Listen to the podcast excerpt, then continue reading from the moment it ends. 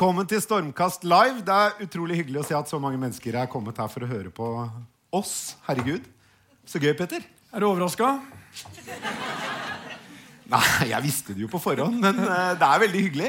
Det er fantastisk hyggelig å være her. Denne lille rare Jeg lurte på hva skal jeg gjøre i kveld. tenkte jeg Hvorfor kan jeg ikke dra hit? Ja.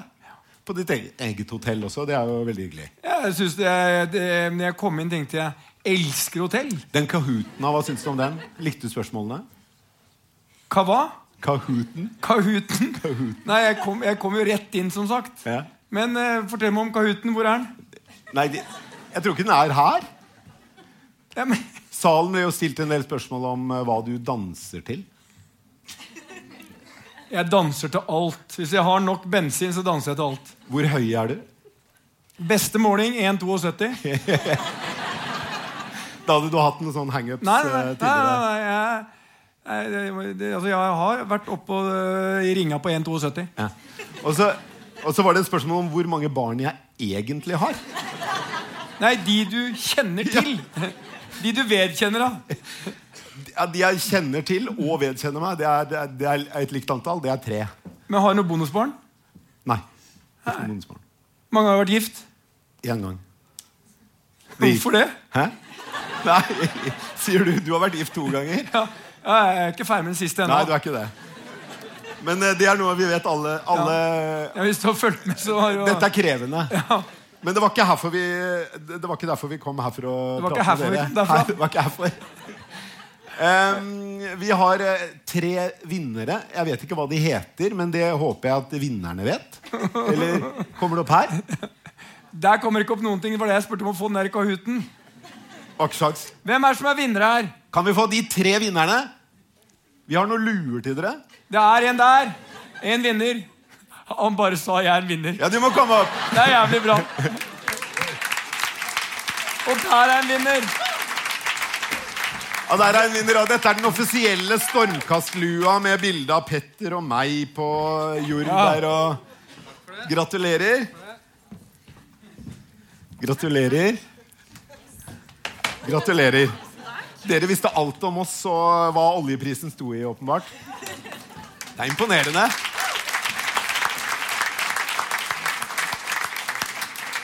Kan ikke bare en av dere hente en snus når jeg la en inne på det rommet? Jo, det trenger vi. Eh, dere, eh, den, eh, en del av eh, finansbransjen de, som jo dere er mer enn gjennomsnittlig opptatt av, eh, som har vokst mest de siste årene, eller som i hvert fall har kommet høyest opp på radaren eh, i de seneste årene, det er oppkjøpsfondsbransjen, PE-bransjen, private equity, Petter. Dette er en bransje du er glad i. Riskkapitalister. Ja. Du har, så, eh, du har litt sånn kan vi si, litt konfliktfylt forhold til den bransjen? Nei, det, det er ikke så konfliktfylt. ehm, men en del av aktørene i den bransjen er sånn syns jeg representerer noe av kapitalismen som jeg ikke liker. Det derre Å kjøpe opp er for så vidt en del av det som skjer i business. Men veldig mange av de har kjøpt opp, økt gjelda i selskapene, eh, gått inn litt for mye med regneark og litt for lite med eh, det ansvaret det er å eie en bedrift. Eh, og Derfor har du sett at ganske mange av de eh, selskapene de har gått inn i, har gått i vifta. Eh, gått konkurs. Toys R Us er kanskje det mest Ja, det er det eh, mest groteske eksempelet som, ja. Ok, men vi skal få Men det er mange eksempler også eh, i de nordiske landene. Ja, det er det. Eh, men vi skal i hvert fall få opp eh, To som skal forsvare det. to som, som er såpass unge at de har ikke rukket å stå for altfor mange Toys R Us-lignende historier ennå. I hvert fall som jeg vet, men det kan vi jo spørre dem om. Ta vel imot Hanna Jacobsen i Summa Equity og Maria Tallaksen i Altor.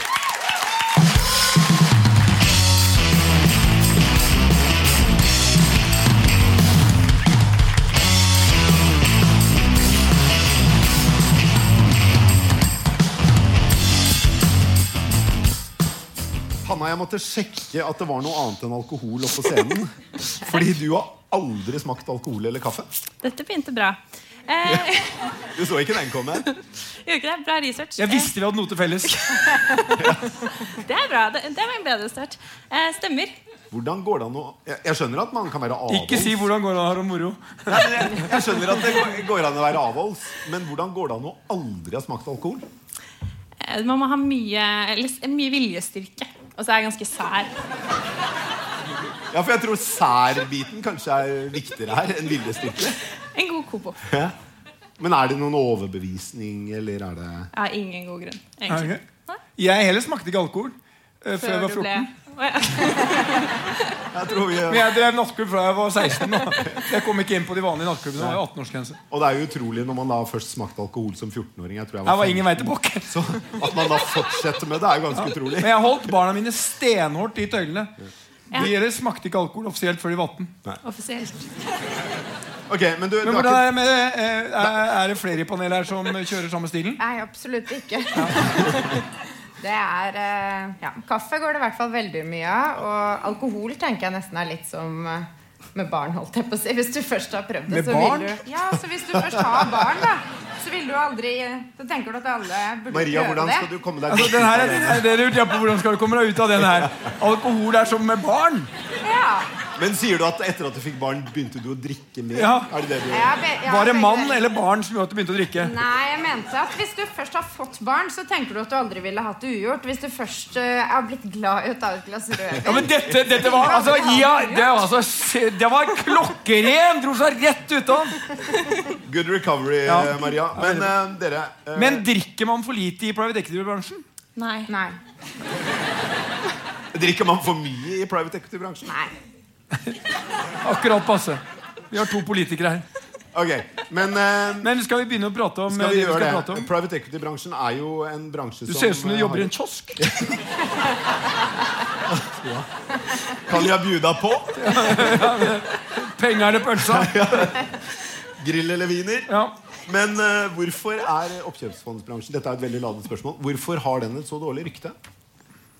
Jeg tror det kommer fra flere år tilbake. Det bildet som du tegner, da, det tenker jeg er eh, kanskje det som kom i oppstarten av bransjen, hvor det var litt sånn Det var litt for lett. Du kunne kjøpe et selskap, putte gjeld på, og så selge det, så var det enkelt. Nå er det jo en bransje med veldig mye konkurranse.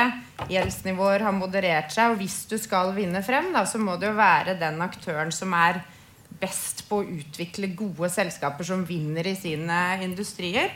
Og, og det gjør at du må jobbe med verdiskapningsagendaen i selskapene hver dag, og det er der eh, differensieringen ligger på. Men det her var mange fine ord. Jeg Bare et spørsmål. Det er vel fortsatt sånn i private equity-bransjen at dere regner på sånn eh, anvendt kapital, hvor store avkastninger på den, eller har dere begynt med noe annet? Nei, nei, det er det vi regner på, men jeg mener at Men det, det, så, det har basically ikke forandra seg. det har ikke forandra seg. Og når er kapital noe... er billig Dette er sånn Kahoot-spørsmål. Når Ja. kapital er billig, hva gjør man da for å øke avkastningen på det dere kaller anvendt kapital, som basic egenkapital, eller kall det hva vil, cash dere putter inn i butikken? Hva gjør dere da? driver godt. Fordi I alle bransjer så er de best drevne selskapene Det er også de Hallo! samme selskapene som tjener penger. Ja, men Din hotell tjener Men også penger, og de er godt ferdig. drevet. Men sannheten er Dere er sikkert unntaket. Og vi har Sannheten gode er investorer også. Ja, ja, det er vi. Og jeg har diskutert akkurat den problemstillingen med prinsipalene dine. Så det er derfor jeg stiller spørsmålet. Men, men, men det er sånn, jeg vet at det er en del som er ordentlig. Og for all del. Uh, Altor og mange andre er superbra. Men de har den samme fenomenet. Hvis de kommer inn i et selskap som la oss si at de har, de har kjøpt et selskap, har null gjeld, da vil det første som står på agendaen, være giring. Ja, Giring, altså låne. Ja, Låne opp på i forhold til en eller annen eh, EBITDA eller multiple et eller annet. Nei, det er ikke det. Det første som er på agendaen, det er å se hva, er det, hva slags kompetanse er det vi har som gjør at vi kan gjøre dette selskapet bedre og øke inntjeningen i det selskapet. Men, men du representerer da unntakene. Men 99,99 ,99 av alle de andre De vil da tenke er det gjeldfritt, så skal vi legge gjeld på det for å øke avkastningen på investert kapital. Gjeldsinvestorene har jo et annet avkastningskrav enn de, det vi har, så det blir jo rent, eh, ren matematikk på den siden av balansen i de selskapene. Som gjør at vi selvfølgelig vi er jo, Jeg mener vi skal jo ikke være flaue for å tjene penger hvis vi driver nei, nei, gode nei, nei. selskaper. Jeg tror vi, vi, må, vi må backtracke Ja, litt. vi må fordi ja. uh... Jeg er ikke flau over å tjene penger. Jeg, Nei, men jeg, bare, Og jeg syns det er greit å sette gjeld på selskaper. Og jeg mener at banker er til for at de skal låne oss penger. Så det er ikke det. Jeg sier bare Litt av utfordringen er at uh, en del av bransjen, da, eh, og det gjelder fortsatt, de har en tendens til Ja. å låne opp vel mye på selskaper som ikke bør ha belåning. Ok, Men vi tar, vi tar et par skritt tilbake. Ja. Uh, Det sier du alltid når jeg har sagt det godt for hardt på. Hanna, hva er et oppkjøpsfond? Uh, Ja, det er et godt sted å begynne. Eh, Så Vi forvalter penger. Vi investerer i selskaper som er privateide. i utgangspunktet. Det finnes jo noen unntak. Man må Altså selskaper som ikke er notert på børsen? Ikke noterte selskaper. Så vi forvalter penger på vegne av eh, 40-talls investorer, som er pensjonsfond, utdanningsfond, og investerer da i disse selskapene. Så Summa eh, har investert i 13 selskaper, hvor vi går inn som majoritetseier og forsøker å drive en verdiskapningsplan som er utover ren finansiell. Handler, for vår del så handler det om hele bærekraftsagendaen. Og at vi tror at for å skape avkastning over tid, så er vi avhengig av å investere på en mer bærekraftig måte. Investere med de megatrendene som vi ser. Eh, og også da tillegge eller, mm, selskapene mer verdi enn bare finansiell eh, engineering, som man Ja. har sett tidligere. Men så det, det som jo er litt sånn eh, artig i oppkjøpsfondsbransjen, det er jo at det er typisk pensjonister og andre som driver med småsparing eller noe sånt, som har sine sparepenger i store fond, og disse store fondene da investerer i oppkjøpsfond som investerer i selskaper som stort sett ikke er børsnoterte. Det. I verden over. Og da prøver man å finne gode kjøp hvor man kan da tilføre noe, eller eh, ikke bare gire opp og selge til en høyere pris.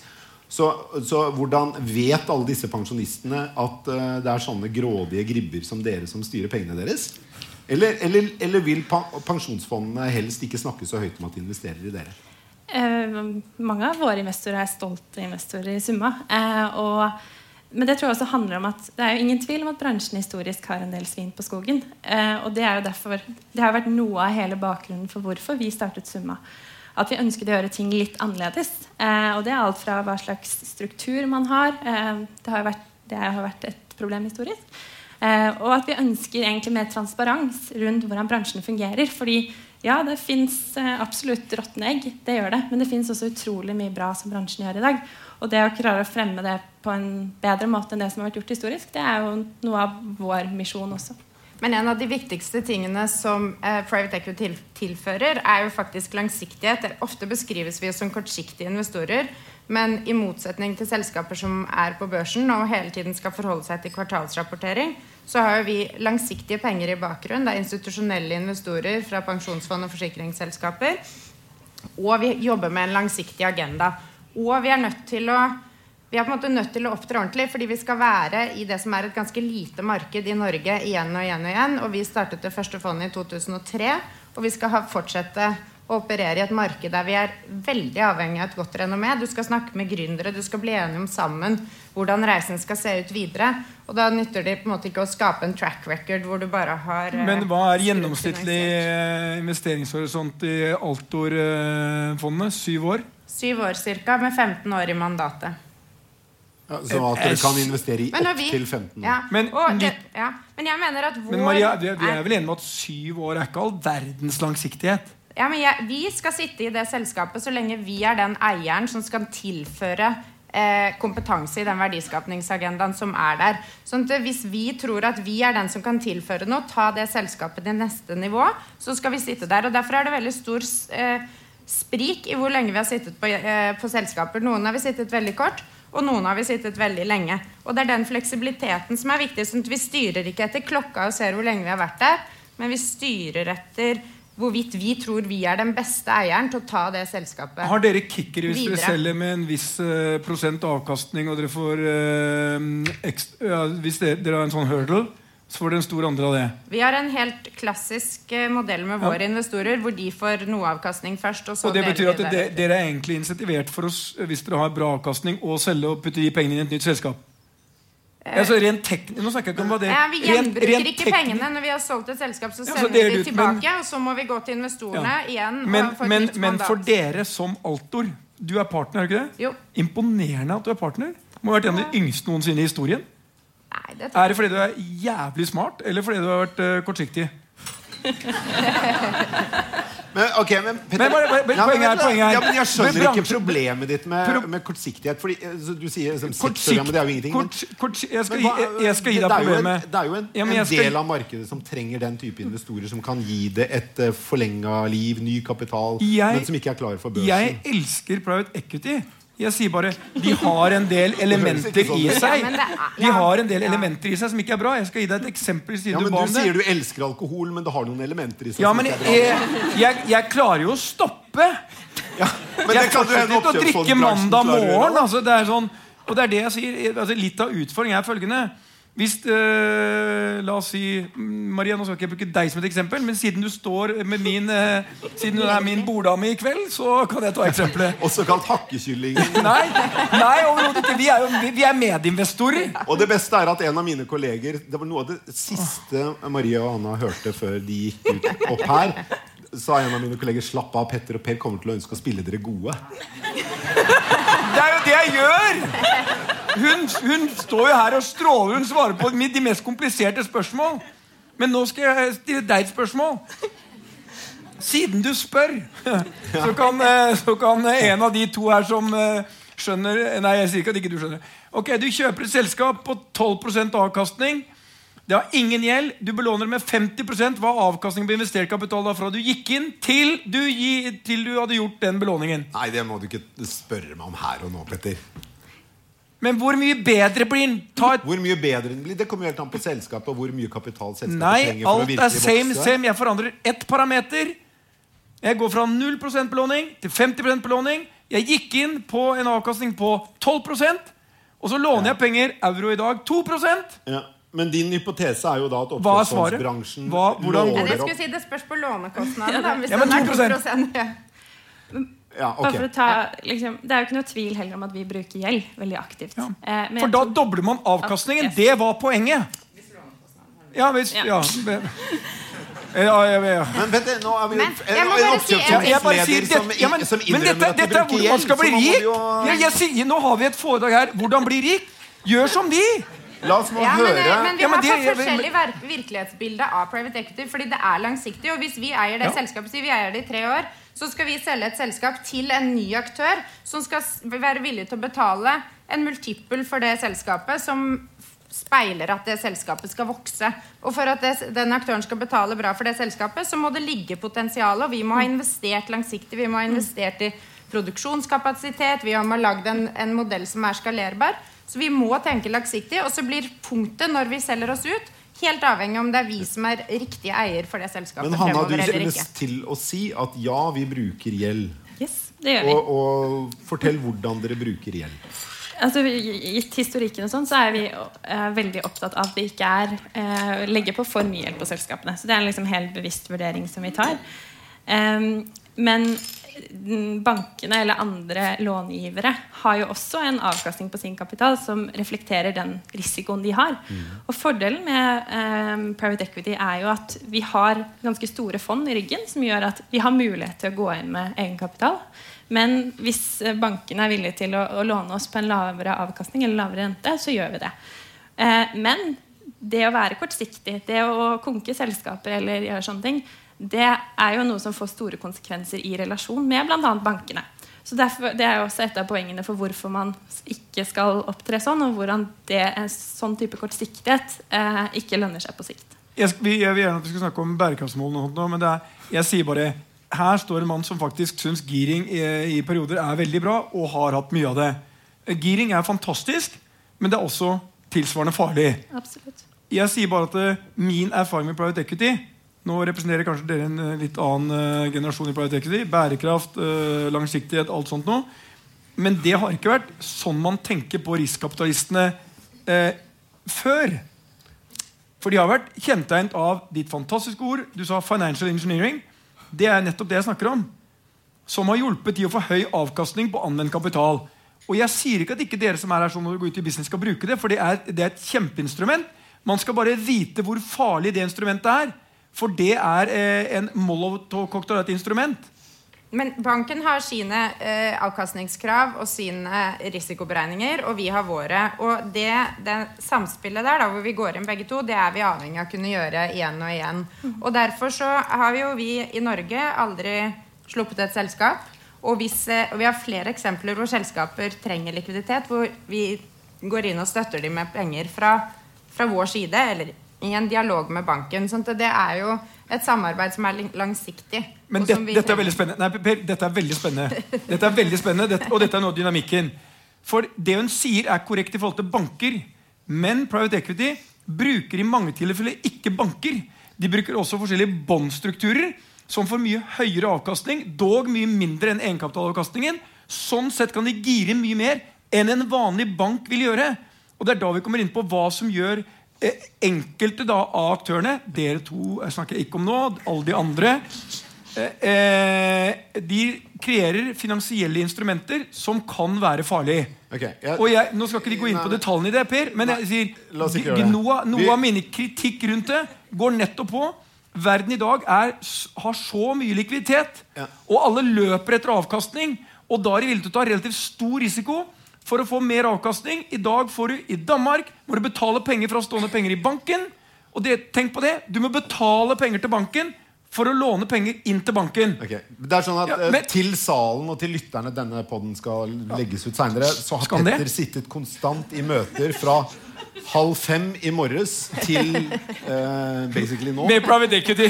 Nei, så, så, han har ikke fått rørt seg så mye. Så det er mye Jeg sa det! I dag kommer det til å komme. Ja, Men uh, vi må komme oss videre fra akkurat dette sporet, Petter. Uh, vi hadde en ordsky Ja, Petter, nå må du holde kjeft her. Vi, en, uh, vi utfordra publikum til å si tre ord om oppkjøpsfondsbransjen. Og så kom det opp en ordsky bak oss. Ja, der, ja, bra. Og det er jo de åpenbare grådig, risikovillig, kortsiktig, men Drita. den, den det er ikke deg! Den skal ikke ha på meg. Der står det 'drita'. Er det, er det, er det liksom Sitter en hel rad der fra Verdibanken eller en sånn kristen organisasjon som Nå skal vi ta dem, eller? Men hvem er den her, her og, det er bra? Nå på behandling. Ja, men den, den, den, den henger jo sammen med den, egentlig. Ja, den gjør det. Dette er jo helt forferdelig. Ja, men jeg, jeg, jeg, er jo jævlig positiv til Pride Equity i forhold til den gjengen som er her. Og dette er finansfolk. Ja. Men hva, hvem er det som skrev dette? Hvor lav toleranse tror jeg har tatt én øl? Petter er drita.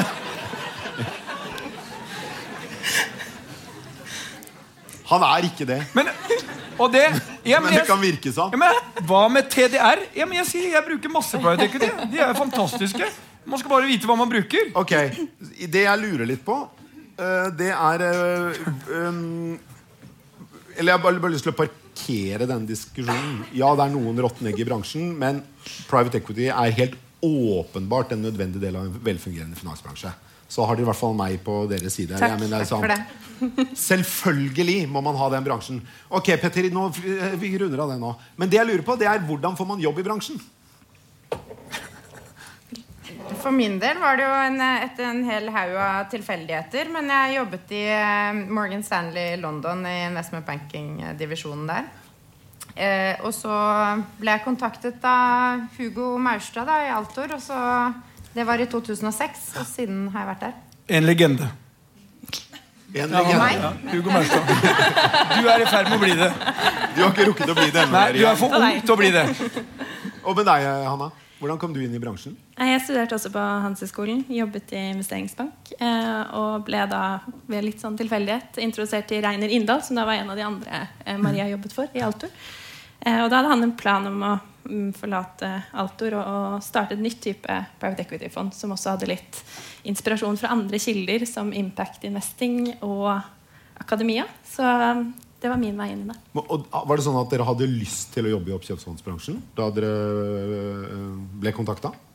Jeg tror man vet mye mer om hva det er nå. Jeg visste hva det var fordi jeg hadde vært i Morgan Stanley, og derfor hadde jeg lyst til å jobbe i oppkjøpsbransjen. Men det var kanskje noe jeg hadde funnet ut av de siste to årene før jeg begynte.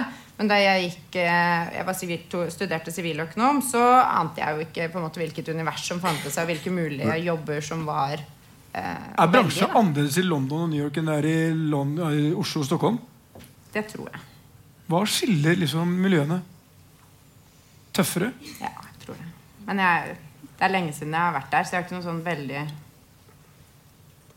Hva av eh, oppkjøpsfondsbransjen var det som eh, interesserte dere? Hanne? For min del så var det egentlig langsiktigheten. da Vi- Versus å jobbe i en investeringsbank hvor alt Ja. var veldig kortsiktig jag for mandater og salg. og sånn, Så var det det å begynne i en bransje hvor man kunne jobbe med selskapsbygging. Det var det som attraherte meg. Var det det samme for deg? Ja, absolutt. Og det er jo det at du eh, når, da jeg da jeg jobbet i investeringsbank, så eh, satt du ofte og jobbet på et kjøpsmandat i en, en oppkjøpssituasjon. Men etter at salget er gjennomført, så var det nytt prosjekt og nye transaksjoner. Så det å på en måte jobber, Du jobber helt annerledes eh, når du skal tenke på hva kan vi få til, hva skal dette selskapet bli fremover, når du vet at du skal sitte og eie det og svare for det og fortelle management i det selskapet at dette var det jeg trodde vi skulle få til. Så den, eh, den overgangen inn i den operasjonelle livet, da, å være en god eier, som tross alt er flesteparten av årene eh, du har med et selskap. Du har en kort periode hvor du kjøper det, og så skal du sitte som en god eier ganske lenge før du selger det igjen. Så det å ikke slippe det når du hadde sikret finansiering, og så gå videre til neste prosjekt, men bli med kunden, eller bli med selskapet Bli med selskapet videre, og så jobber du på tvers av veldig mange industrier. Da. Jeg synes det er kjempegøy fortsatt. Ja, hver gang du ser på et eh, tema eller en industri du ikke har god kunnskap til fra før, da, og så sette seg ned og bare lære hvordan den fungerer, og alle dynamikkene og alle spillerne. og Det syns jeg er fortsatt utrolig spennende. I Altor har dere investert i alt fra XXL og Sats, som jo for så vidt er litt for slekta, for det er liksom fritid og sport. Men uh, Rossignol? Uh, Rossignol, ja. Og så har dere barnehager. Private barnehager. En liten investering i det. Og så har dere jo investert i Lollo og Bernie sammen med Petter. Ja. Ganske, ganske nylig. Hytter, Eh, litt fiskeoppdrett i Chile. ja. Litt mye Er det sånn at er dere redde for at uh, dere har så høye tanker om dere selv at dere tror dere kan bidra med mer kompetanse enn dere egentlig kan? Fordi Du har liksom private barnehager, fiskeoppdrett og XXL. Hvor mye kan du om noen i bransjen? Jeg kan veldig lite. Du kan ganske mye. Nå skal jeg være snill mot deg, men du kan ganske mye. Ja, men, Men- Ikke nok til å være en aktiv og god eier. Da måtte jeg jo virkelig brukt tid på å sette meg inn i det, forstå uh, mekanismene. Ja, men jeg tenker det er to, uh, to eh, svar på det. Da. Det ene er at det er veldig mye som går på tvers av industrier. Det kan være hvordan du jobber med logistikk, hvordan du jobber med optimalisering av en eh, altså lean, jeg skal prøve ikke å bruke engelske ord, da, men eh, hvordan, du driver, eh, hvordan du driver salg. Hele, og det kan være veldig mye paralleller på tvers av industrier. Og der tror jeg man kan tilføre noe fordi man kanskje tenker at en, en bransje kan ha låst seg veldig en viss måte å tenke på, så kan vi se det litt utenfra og tenke nytt. Og det andre, som kanskje er det viktigste vi må gjøre, det er å kjenne våre begrensninger og be om hjelp da, fra noen som kan det bedre. Så i, i de aller fleste situasjonene våre så setter vi jo inn eksterne eh, styreledere, og vi passer på at management har en kompetanse som matcher den agendaen som selskapet har. Og vi skal jo ikke være inne og drive det selskapet daglig. Vi skal være en god eier, og det jo, handler også om å tilføre den kompetansen til selskapene som de trenger. Men, men det er jo også et poeng der sånn at disse selskapene private equity-selskapene som har litt størrelse, de har jo egne folk som jobber med logistikk, de har egne folk som jobber med digitale ting. de har egne folk på alt sammen. De går inn like gjerne fra, de går rett fra Rossignol til Lollo og Bernie. Og det er de samme selskapene. Fordi de kan logistikk. De Eller, kan, eller digitalt. De kan, og du er jo litt prisgitt de rådene de da gir deg, for det, dette er de nye eierne dine. Og det er det jeg sier. Jeg har et helt annet hjerte for det jeg holder på med. Og har hatt, da vært heldig øh, og hatt besøk av Private Equity gjennom mange år. Av forskjellige varianter. Uh, og jeg, jeg, altså det er, er, jeg er litt redd for det. Og dere sitter med enorm kompetanse, enormt flinke på finans, enormt flinke på mange ting. Men de bruker de samme menneskene ofte i vidt forskjellige industrier. Eh, og det er ikke sikkert at de samme løsningene på Rossignol funker på Ving. da Nå er Altor, nå, nå er vi heldige å ha noen av de proffeste i bransjen her. Men jeg har ett spørsmål til dere. Nå sitter det mange i salen her. Si at gjennomsnittsalderen er 25 eller 26. Hvis de vil bli som dere, superstjerner, hva er rådene? Tre Hanna, du skal få lov til å begynne, for det er vanskelig. Takk. Eh, Tre ting. tre ting for å begynne å jobbe i private equity. Jeg tror mange er vel Nå fikk du betenkt. Ja, det er det. Eh, jeg tror veldig få vet kanskje når man går på skolen og sånn, hvert fall for min egen del, visste jeg veldig lite om hva det var. Det, det er myteomspunnet, og jeg tror man skal virkelig sette seg inn i hva det er. Det er en utrolig liksom, bred jobb. Du skal jobbe med finansielt, kommersielt, juridisk. Og du skal egentlig være, sitte i styrene i selskapene, som er et enormt ansvar. Eh, og som sier, du har investorer, du har banker, alt mulig rart. Eh, så det å virkelig skjønne hva man går til, lære bransjen, tror jeg er ekstremt viktig. Eh, og så handler det om å finne et fond som passer en. Eh, for vår del så har det vært å satse tematisk, nettopp som du er inne på, for at vi på teamet skal ha en kompetanse å bidra med til selskapene. Eh, og man kan ikke være ekspert på alt, så derfor har vi valgt å fordype oss i tre temaer, og hvor TIL-teamene også spesialiserer seg. Jeg har jo valgt å spesialisere meg på søppel og gjenvinning. Mm. Eh, er, eh, og der man ser enorme synergier på tvers av eh, å, å, jobbe med flere selskaper innenfor samme bransje. Siste eh, handler jo også Siste tema. Det handler om å egentlig liksom gripe litt i mulighetene man får. fordi det er ikke så mange fond i Norge. Det er Eller ja, det, det kommer flere, heldigvis. Eh, men jeg tror liksom det å legge en veldig sånn plan er ikke helt eh, det letteste. Så for min del har det vært ganske mye tilfeldigheter som endte sånn. Og eh, det har vært mange si, heldige ting. Hvor mye tjener du? Takk. Eh, jeg kan jo si at jeg er lønnsmottaker. Vi har ikke carry, kommet til carry på fondet ennå. Så jeg er helt vanlig lønnsmottaker.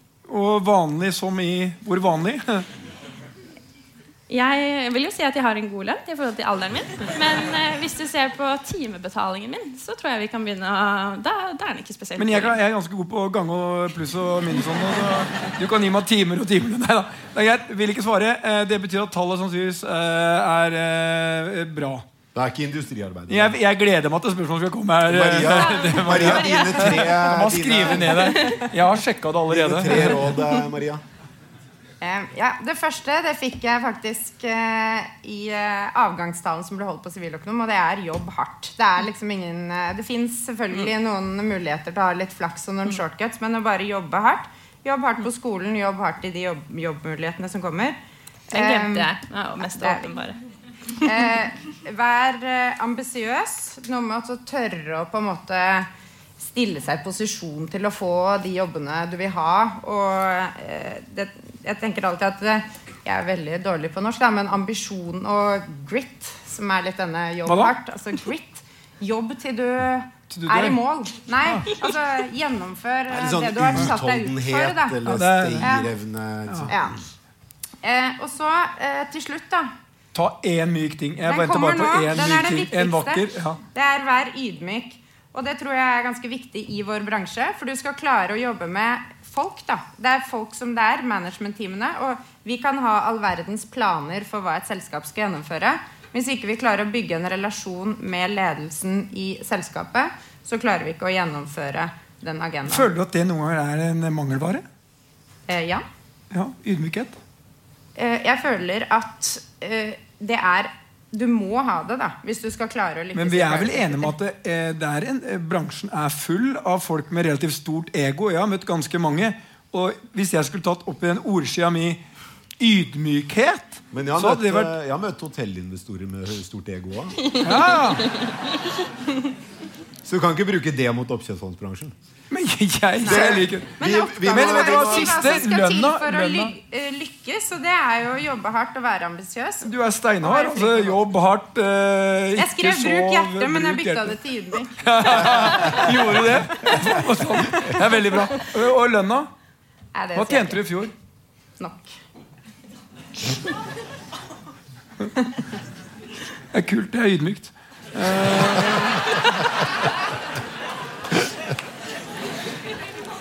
Vi må runde av snart, men vi har fått et par spørsmål fra salen. Petter. Skal du eller jeg starte? Nei, eh, jeg har ikke noe spørsmål, så du kan starte. Og har du ikke spørsmål? Nei. Nei. Jeg ble okay. tatt fra eh, Jeg starta litt offensivt. Jeg ble tatt fra alt mandat. Ja, ja, ja. Ok, Jeg har et spørsmål her fra Silje. Eh, kan ta det til dere begge. Og Se bort fra at dere har en sånn tydelig investeringsprofil. Mm. Eh, så ta det på generelt grunnlag. Er det bransjer dere ikke vil investere i? Start med deg, Anna. Altså, jeg har vært med å utvikle hele investeringsstrategien til Summa. så Der har vi jo ekskludert liksom, de åpenbare tingene som jeg tror de fleste fond har, som er våpen, eh, porno og en del sånne ting. Eh, tobakk. eh, og da vil jeg si militærteknologi fort kan falle innenfor. Nei, eller utenfor. Eh, men jeg har jo fått lov å være med å velge akkurat de tingene jeg vil investere i. Så, så for meg hadde det falt eh, veldig utenfor. Eh, og det som, for å ta det kort, da, det vi investerer i, er jo det som handler om ressurseffektivisering eller ressurs- ressursknapphet. Enten det er søppel og gjenvinning, fisk, sirkulær økonomi. Det er em, endring i demografi, som er eh, alt fra em, utdanning, men også helse. Og det siste er teknologibedrifter. Og det er jo de selskapene som vi tror får vekst på sikt. Nettopp for å kunne være langsiktige i vår, eh, vårt eierskap og, og levere god avkastning til våre investorer over lang tid. er noe av det beste jeg har hørt fra en private equity-aktør noensinne. Takk. Det var Hva med deg, Maria? Er det noen bransjer du ikke ville investert i? Vi har som dere noen på en måte no-goes som kanskje er liksom langt ut i nei-sonen. Men utover det så ønsker jo vi å ha en profil der vi blir ansett som en seriøs aktør. Så vi har jo en realitetsdiskusjon hvis det er selskapet vi går inn som i om det er noe vi vil, eh, vil investere i eller ikke. Men når det er sagt, så syns jeg det aller viktigste vi kan gjøre, er jo å fokusere på endringen eh, i det samfunnsansvaret de selskapene vi investerer i, har. Da. Så vi har jo eh, selskaper hvor vi er eh, opptatt av hva er deltaen på det eh, miljø- og samfunnsengasjementet de selskapene har. Fra vi Altså, gikk inn til kan vi går ut. fra mm. dere går inn til Det er vår impact gjennom vårt eierskap. Okay. Impact var dårlig. Tusen takk skal dere ha, Hanna Jacobsen og Maria Tallaksen. Så tar vi ti minutters pause. Bare bli